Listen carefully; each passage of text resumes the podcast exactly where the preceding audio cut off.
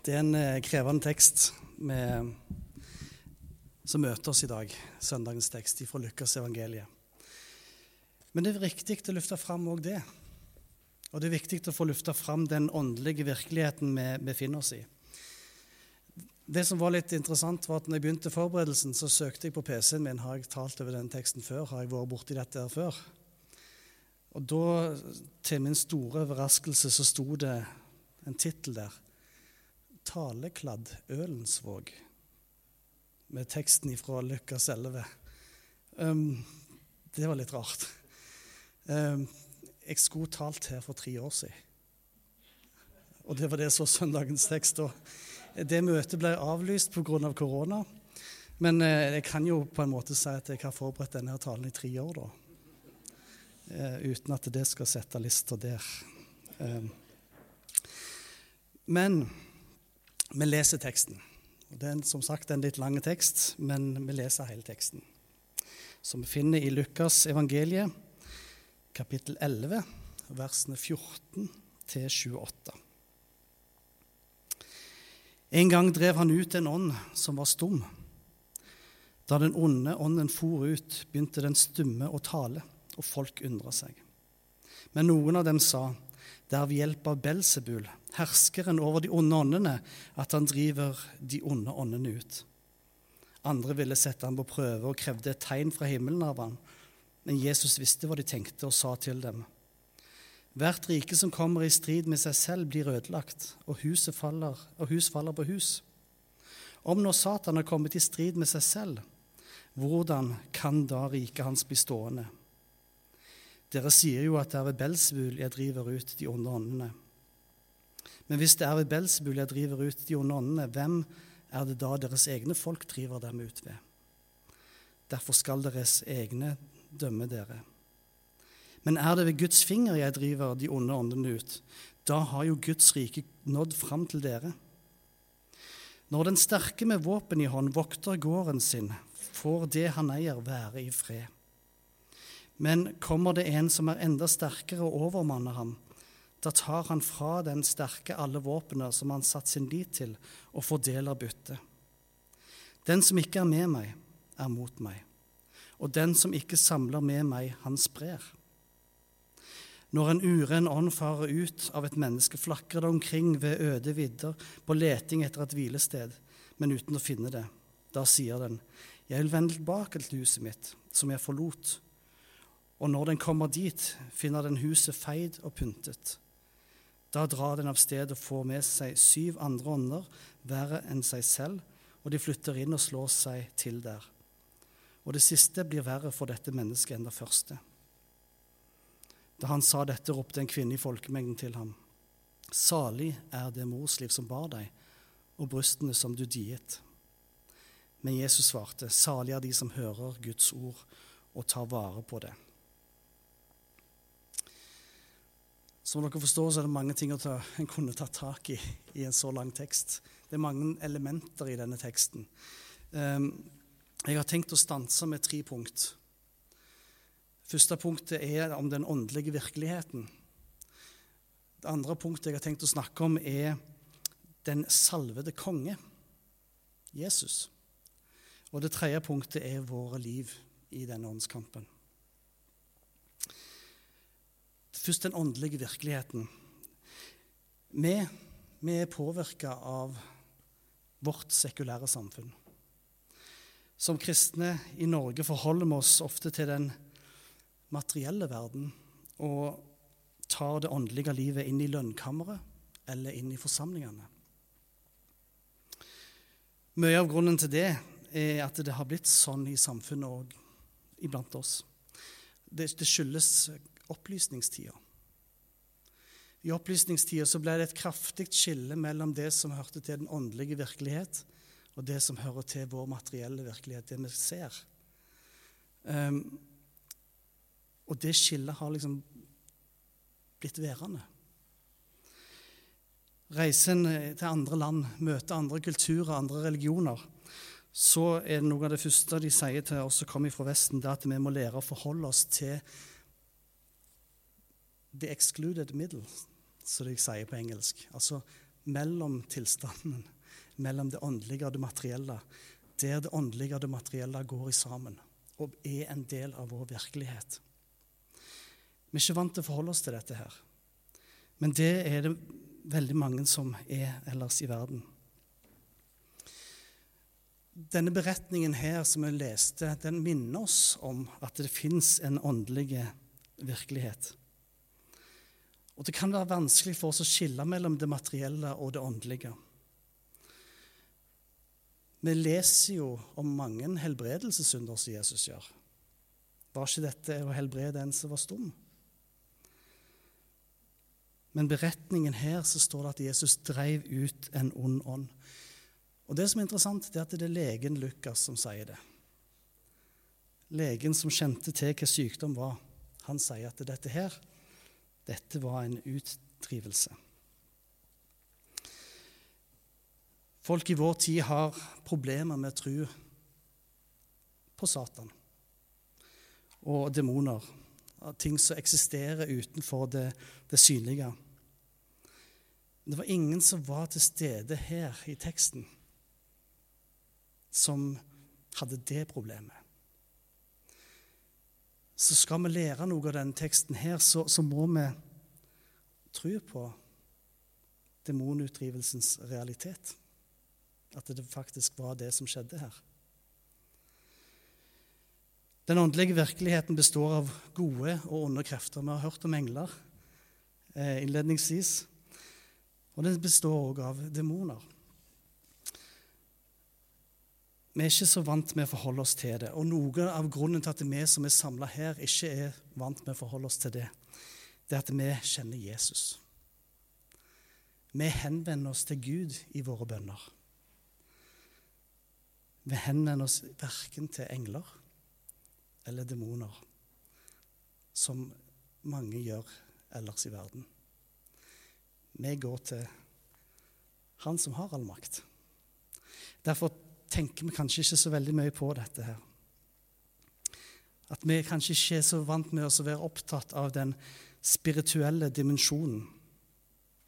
Men det betyr ikke at han er mindre virkelig for det.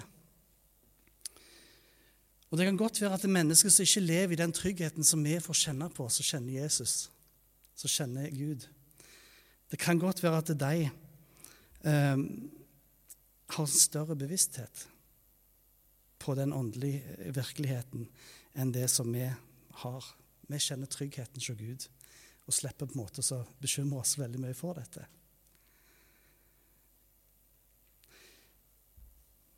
For det som jeg har merka, at de som ikke kjenner Jesus og kjenner tryggheten der, som har bevisstheten på den åndelige dimensjonen.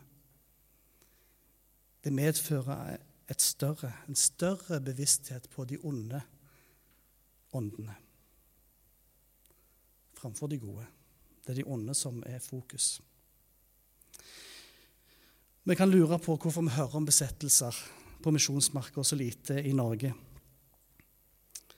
For selv om det er sånn at jeg har hørt historier her i, om den åndelige virkeligheten av norsk ungdom i Norge, på Sandnes, så er det sånn at jeg sjøl har opplevd det kanskje sterkest i utlandet òg. Ja, og jeg. Jeg vokste opp i Taiwan som misjonærbarn der. Og Som gutt så var jeg oppe i landsbyen og skulle kjøpe snop på en lørdag. Um, og så hører jeg bare masse leven utenfor butikken og går ut og ser høye stemmer, trommer. um, et tog som er på vei gjennom gata, og folk som flokker seg sammen og danner en korridor. Og så kommer det en mann gående gjennom flokken med bar overkropp. I bukselinningen så har han festa ganske mange sånne offersedler, sånne gule, så de ofrer til og brenner til avgudene i Taiwan. I han, hånda hans så har han et sånn slagvåpen med nagler på. Og han går og slår seg sjøl til blods med et kaldt og stivt blikk som skapte frykt i meg når jeg så det som en gutt. Det var skummelt. Seinere har jeg lært at denne personen Han lot seg besette som en manifestasjon av ånden som tilhørte det lokale tempelet. Og på en måte ofre seg sjøl, ånden kommer til syne. Og så forlot ånden han og han til slutt kollapsa av utmattelse. Det var litt skremmende for meg som gutt. For det skjedde jo bare plutselig. Og jeg ikke, hadde ikke mor og far der. Jeg skulle kjøpe snop. um, I Mali, når jeg var der, så kan jeg ikke si at jeg ble vitne til noe lignende. Men historiene fra vennene mine der de bekrefter at åndeverden hadde den samme effekten der og i Mali. Åndenes manifestasjoner skaper frykt.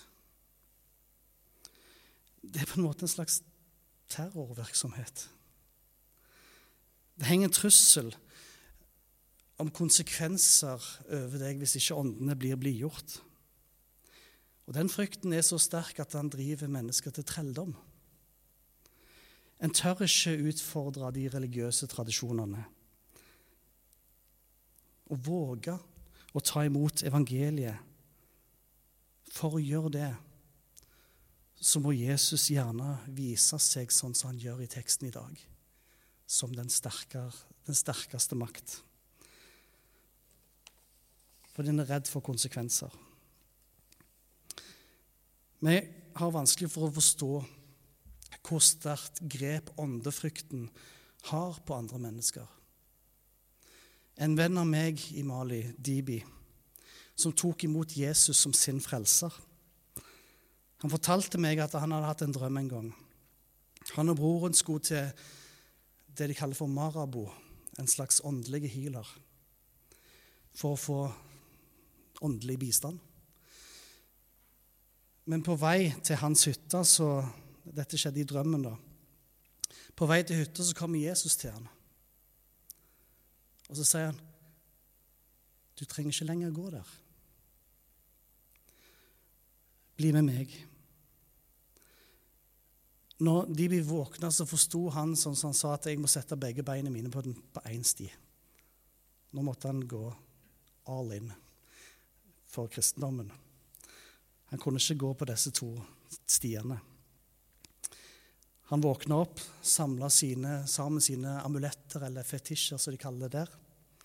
Gikk ut i skogen, brant de, gravde de ned, uten å si det til noen. Ingen visste at han hadde gjort det, og han opplevde en liten frykt. Hva skjer nå? Når jeg gjør dette her, når jeg provoserer åndeverdenen nå, hva skjer med meg? Han opplevde at ingenting skjedde. Han var beskytta. Han var fri. Og da vågde han å fortelle meg denne historien. To år etter han hadde gjort det. Um, han bar denne her erfaringen, dette eksperimentet, sjøl. Det satt djupt inne. Frykten hadde tak på han. Før han fikk erfare at det er Gud, Jesus, var med. Er det egentlig en annen virkelighet her i Norge? spurte du meg om i starten. Jeg kan se liksom på populærkulturen. Enten så er det en bekreftelse av den åndelige virkeligheten, eller så er det en fascinasjon. I, i barnelitteratur, filmer, TV-serier, så er det flust av det. Vi har jo hatt et eksempel som heter 'Åndenes makt' på TV, som, eh, som eh, omtales som en norsk dokumentarlignende underholdningsserie. Og det er kanskje som underholdning denne virkeligheten egentlig møter oss i Vesten. Det fins utallige zombie- og vampyrserier i omløp som spiller på frykten for noe åndelig, noe, noe annerledes. En kan kanskje avfeie det som fantasilitteratur. Men er det bare så enkelt? Jeg har hørt at Vegvesenet på Island Hvis de får høre at det har sånn vandringssted for vetter, så legger de om veien. Det er på myndighetsnivå. Da skal de ikke forstyrre vettene sin vandring. Jeg syns det var litt utrolig å høre fra Island. Det er kanskje noen her som har hørt om Onkel P. Ja. I 2014 så kom han med en sang som heter 'Styggen på ryggen'. Det ble en stor hit her i Norge. Og Selv om at jeg håper at det, det ikke skyldes at det er mest ungdommer som hører på han, at ikke de kjente seg igjen i teksten, så er jeg redd for at teksten treffer dem. Han er litt vond å høre på, teksten. Jeg tenkte jeg skulle bare ta litt ifra den teksten. For i den sangen så synger onkel P. For mannen på skuldrene mi er forbanna. Tyner og tyder meg, han der styggen på ryggen. Hvisker inn i øret hvem som styrer denne giggen. Kan ikke gjøre annet enn å høre på styggen, der han jobber for å ødelegge kidden føles som jeg er i helvete. Styggen på ryggen har blitt en av mine nærmeste. På skulderen min og minner meg på hvor skeis det her livet mitt går. Er det rart jeg er redd når styggen på ryggen er han jeg prater mest med, oppå skulderen min og sier at jeg kommer ingen vei her i livet? Er ikke brutalt? Er det sånn at folk i vårt samfunn kjenner seg igjen i dette? At de kjenner igjen denne stemmen til styggen på ryggen? I så fall så tror jeg de har gjort erfaringer med den åndelige virkeligheten som Bibelen snakker om. Bibelen lærer oss at vi har en kamp mot kjøtt, ikke mot kjøtt og blod, men mot makter og myndigheter. Men òg mot skjødet. Vi kjenner òg fristerens og anklagerens stemme. Men vi har fått høre en annen stemme. Guds stemme som taler til oss ved Den hellige ånd, som er vår medvandrer, som er vår forsvarer, som leder oss gjennom livet i denne åndelige virkeligheten. Det virker ikke som onkel P kjente til den stemmen.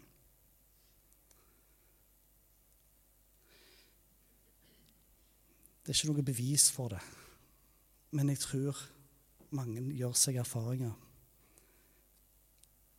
med den ondes realitet.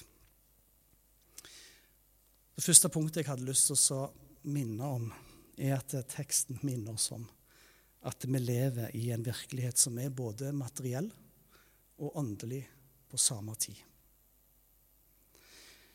Men i teksten så møter vi Jesus. Vi møter kongen med store K i dag. Herskeren over den åndelige virkeligheten, den salvede konge. Det er en liten lignelse midt i teksten, versene 21-23, som viser oss en konge med en universell kongemakt. Vers 21 sier når den sterke med våpen i hånden vokter hånden, gården sin, får, han, får det han eier, være i fred. Sånn var det for kineserne i Taiwan. Sånn vokter òg djevelen sin gård i Mali. Og det kan virke som om det var den eneste makten onkel P òg kjente til. Men så kom evangeliet. Men kommer det en som er sterkere og overmanner ham, da tar han fra den sterke alle våpnene eh, som han satte sin lit til, og fordeler byttet. Jesus viser sin makt når han dreiv ut den onde ånden fra den stumme mannen. Og Seinere på korset så skulle han kle maktene og åndskreftene nakne og stille dem fram til spott og spe som seierherre over dem. En dag så har vi løfte om at han skal tilintetgjøre djevelen med all, hele hans ånde her. Jesus er Herren Sebert, Han er krigshærføreren. Han som har fått all makt i himmel og på jord. Og vi kan være sikre på at verken død eller liv, verken engler eller krefter, verken det som nå er eller det som kommer, eller noen makt, verken det som er i det høye eller i det dype, eller noen annen skapning, skal kunne skille oss fra Guds kjærlighet i Kristus Jesus, vår Herre. Vi kan tro på det, for han har makten. Det ville Jesus vise med den hendelsen med denne mannen. Han ville vise sin person, sine guddommelige egenskaper. Det er tegn på hvem han er. For hvem uten Gud har en sånn makt at åndene lyder hans befalinger?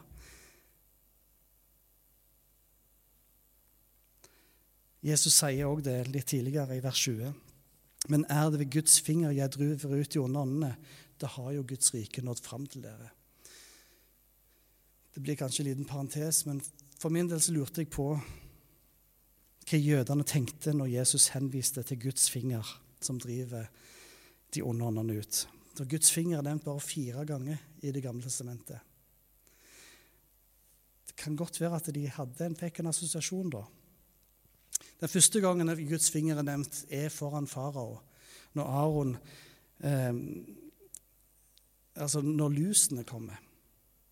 Og da sier magikeren til farao at dette her, dette er Guds finger. Det er ikke lyset. Nei. Reises opp og ned igjen, så Nei. Se det. Det var ikke Guds finger, nei. Nei. Yes. Ja da. Magikerne sa de klarte ikke å drive fram lus på samme måten. Dette her er Guds finger. Farao ville ikke høre på det. Ehm, men det tyder at det representerte en maktdemonstrasjon. At Guds finger var en slags maktdemonstrasjon hvor Gud viser sin allmakt. En makt som overgikk de åndelige kreftene disse magikerne kjente til. Dette var ifra Gud. De to andre gangene Guds finger er nevnt, er i forbindelse med steintavlene som ble gitt til Moses. De ble skrevet av Guds finger, står det. Og Det gir oss et frampek på sverdet som ligger i Guds ord, vårt våpen i kampen mot den onde. Og som vi hørte det siste Jesus sier, det er salige de som hører Guds ord og tar vare på det. Bibelen er virkelig ord ifra Guds finger. Vi kommer litt tilbake til det. Men jeg tror ikke nødvendigvis at jødene fikk den assosiasjonen når de hørte om Guds finger. Men jeg lurer på om det var mer nærliggende at de ble minnet om hånda som skrev på veggen i Daniels bok. Der skriver Guds finger òg. I den beretningen så møter vi dommen over det babylonske riket. Daniel han blir bedt om å tyde budskapet som ingen andre magikere klarte å tyde. Og Da sier han Mene, mene, tekel, ufarsin. Og heldigvis så tyder han hva de ordene betyr. For han sier at, Og dette er tydningen av ordene. Mene, talt. Gud har talt ditt kongedømmes dager og gjort slutt på det. Tekel, veid. Du er veid på vekten og funnet for lett. Peres, delt opp. Ditt rike er delt opp og gitt til mederne og perserne, står det i Daniel kapittel 5. Budskapet det var slutten på makten, et mektig herredømme som hadde en makt som ingen tenkte kunne falle sammen. Funnet for lett, delt opp. Belsazar ble dømt, kongen av, Perserik, han ble dømt av skriften på veggen. Guds finger kom med en dom over den største kjente makten og myndigheten på Daniels tid. Jesus vil si at det er Belsebul, altså djevelens dager, er talte. De vil få sin slutt. Han er funnet for lett. Han har blitt beseira. Det er nesten et politisk vokabular i teksten som dreier seg om herredømme, makt, som dreier seg om Belsebul, som kalles for denne verdens hersker, om Guds rike som kommer og viser seg med Jesu makt. Det er viktig at vi gjennom teksten ser at Jesus er den som har herredømme i den åndelige virkelighet. Nå skal Jesus herske. Jesus, den salvede konge. Messias. I evangeliet ser vi at Messias-profetiene oppfylles i Jesus. Evangeliet viser at Jesus var den salvede profet. Han fikk ikke bare ord for Gud, men han var Guds ord. Så han sprenger rammene. Jesus var den salvede ypperste prest som, som ikke bare forberedte vårt syndoffer, men som var syndofferet sjøl. Jesus òg den salvede konge som ikke bare har herredømme i den materielle verden, men som har makt over dødsrikets krefter. Beretningen ønsker å vise oss at Jesus er Messias og den salvede konge. Denne Messias sprenger forventningene som jødene hadde. Han kom ikke for å vinne den politiske makta. Han kom for å vinne over åndsmaktene. For å vise at han har all makt i himmel og på jord. Guds rike er Jesu herredømme. Det kom nær. Det var iblant oss. Når Pilatus spurte jødene om han skulle korsfeste kongen deres, så svarte øversteprestene vi har ingen annen konge enn keiseren. En kan lure på hvor Messias-forventningen har blitt av. Men Pilatus han var på spor av sannheten. Når han spurte Jesus er du jødenes konge, så svarte Jesus min kongemakt er ikke av denne verden. Var min kongemakt av denne verden, hadde, mine menn, hadde mine menn kjempet for at jeg ikke skulle bli overgitt til jødene. Men min kongsmakt er ikke herfra. Det var større. Jesus fortjente palmene med inntoget i Jerusalem. Inskripsjonen innri på korset var rett. Jesus, nasareeren, han var jødenes konge, men ikke bare jødenes konge. Han er vår konge, som sitter i dag på trona som universets befriende konge. Dette er evangeliet som verden trenger.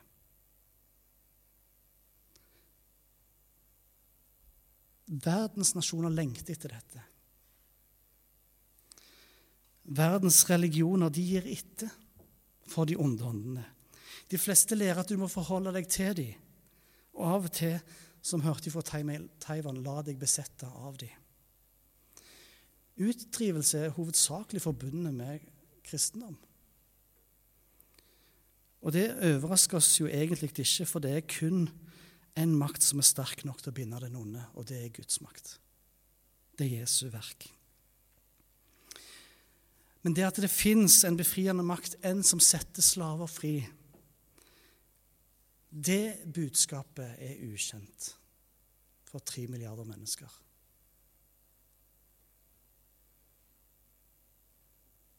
At det er en som er sterkere, det vet de ikke om. De har ikke noe annet valg enn å la seg kue av Satan. Han får fred i sin gård. Vi har et budskap som kan sette fri. De lengter så etter å få høre at det fins en kjærlig, omsorgsfull Gud som ønsker å frelse dem ifra det onde.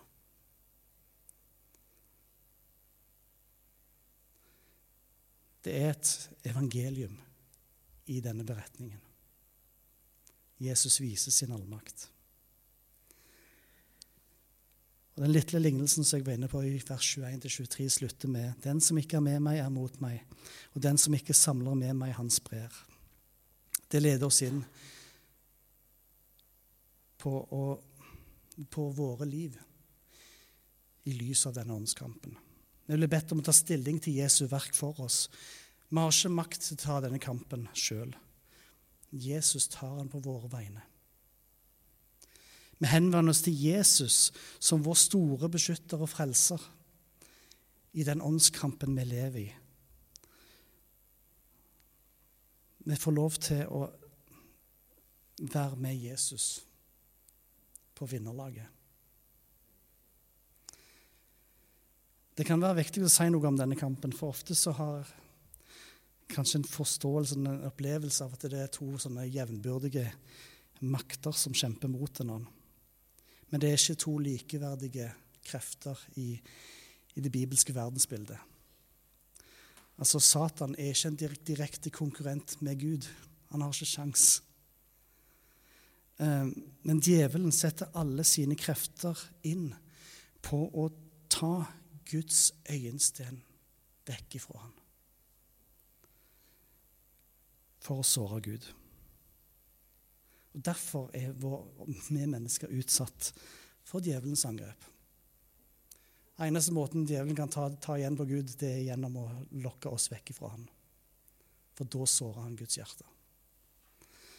Og I den kampen om vår sjel så blir vi bedt om å ta på Guds fulle rustning. Jeg skal ikke ta full utleggelse av det i Efeserne 6, men dere kjenner til sannhetens belte rettferdighetens brynje, evangeliets sko, troens skjold, frelsens jern og åndens sverd. Alt dette er å finne i Bibelen. Det er vår beredskap i åndskampen. Det er vår beredskap, men han vil ta kampen. Jeg tenkte litt på det. Jesus sier til israelsfolket som blir skremt av fienden, i stillhet og tillit skal deres styrke være.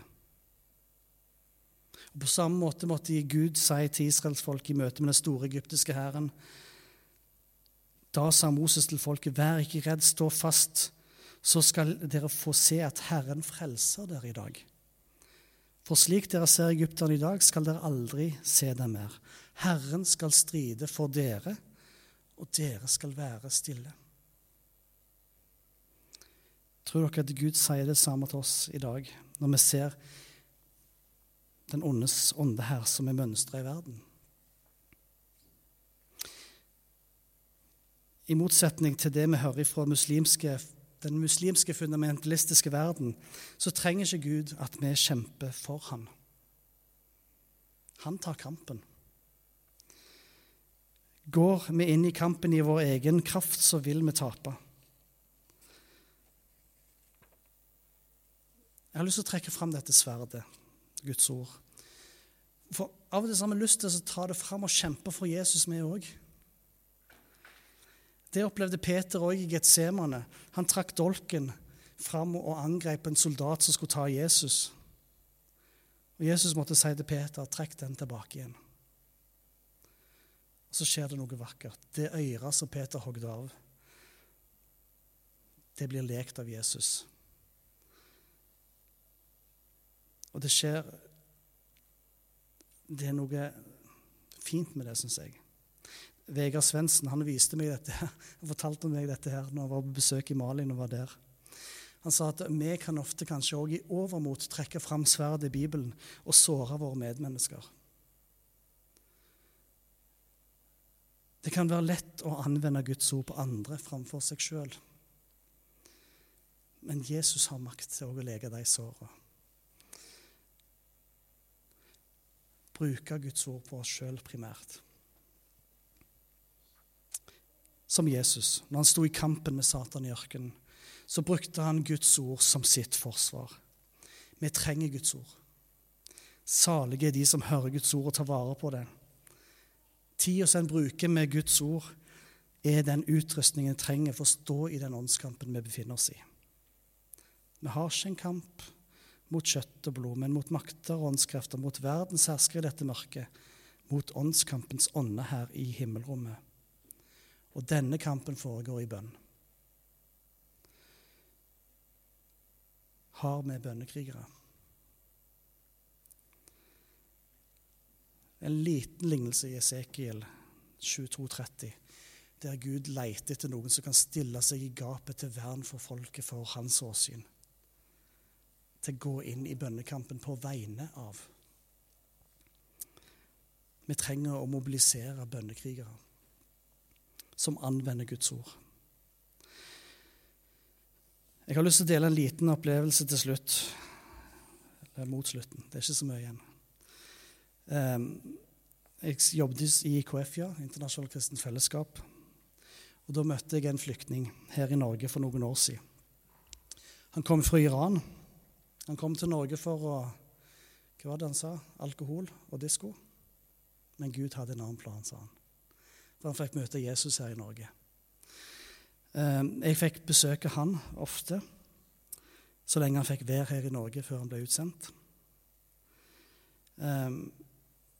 Men en gang jeg kom til han på, på mottaket, så sa han du, jeg har hatt en drøm nå som jeg ikke helt forstår. Kan du forklare den til meg? OK. Det er sånn det ofte er i den muslimske verden. da. Vi får bare høre. Hva, hva drømte du? Han drømte at Jesus hadde kommet til ham, og så hadde han spurt hva kan jeg gjøre for deg. Og så hadde han svart gi meg makt til å bekjempe synden. Og så hadde ikke Jesus svart på det, men han hadde trampt med foten. Hva betyr det? Så, um, så tenkte jeg at uh, Men det slo meg. Den eneste plassen jeg har hørt om Jesu fot, det er i Mosebok, første Mosebok. Om en hæl som skal knuse slangens hode. Og så sa jeg til han eller Vi snakket jo om dette her, hva det betydde, den profetien var at det skulle komme en som skulle sette oss fri fra Satans makt. Og så ble det et sånn fint budskap. Han skulle ikke få Altså, kraften skulle ikke han ha til å bekjempe synden. Jesus hadde gjort det for han.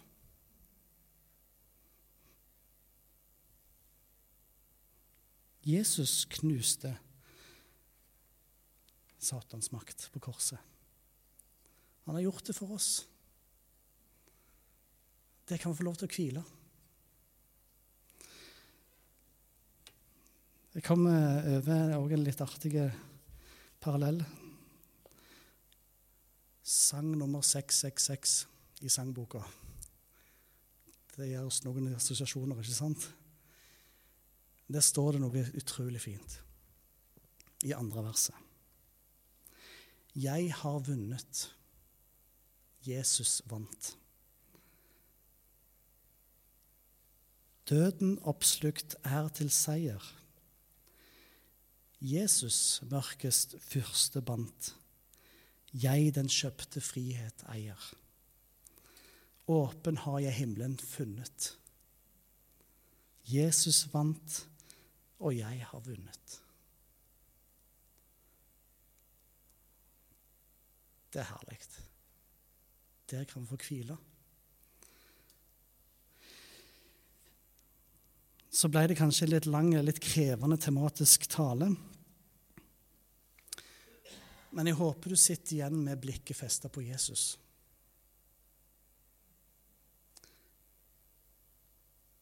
At Jesus får stige fram av denne teksten som vi har sett i dag. For du, du er trygg hos han. Han har all makt.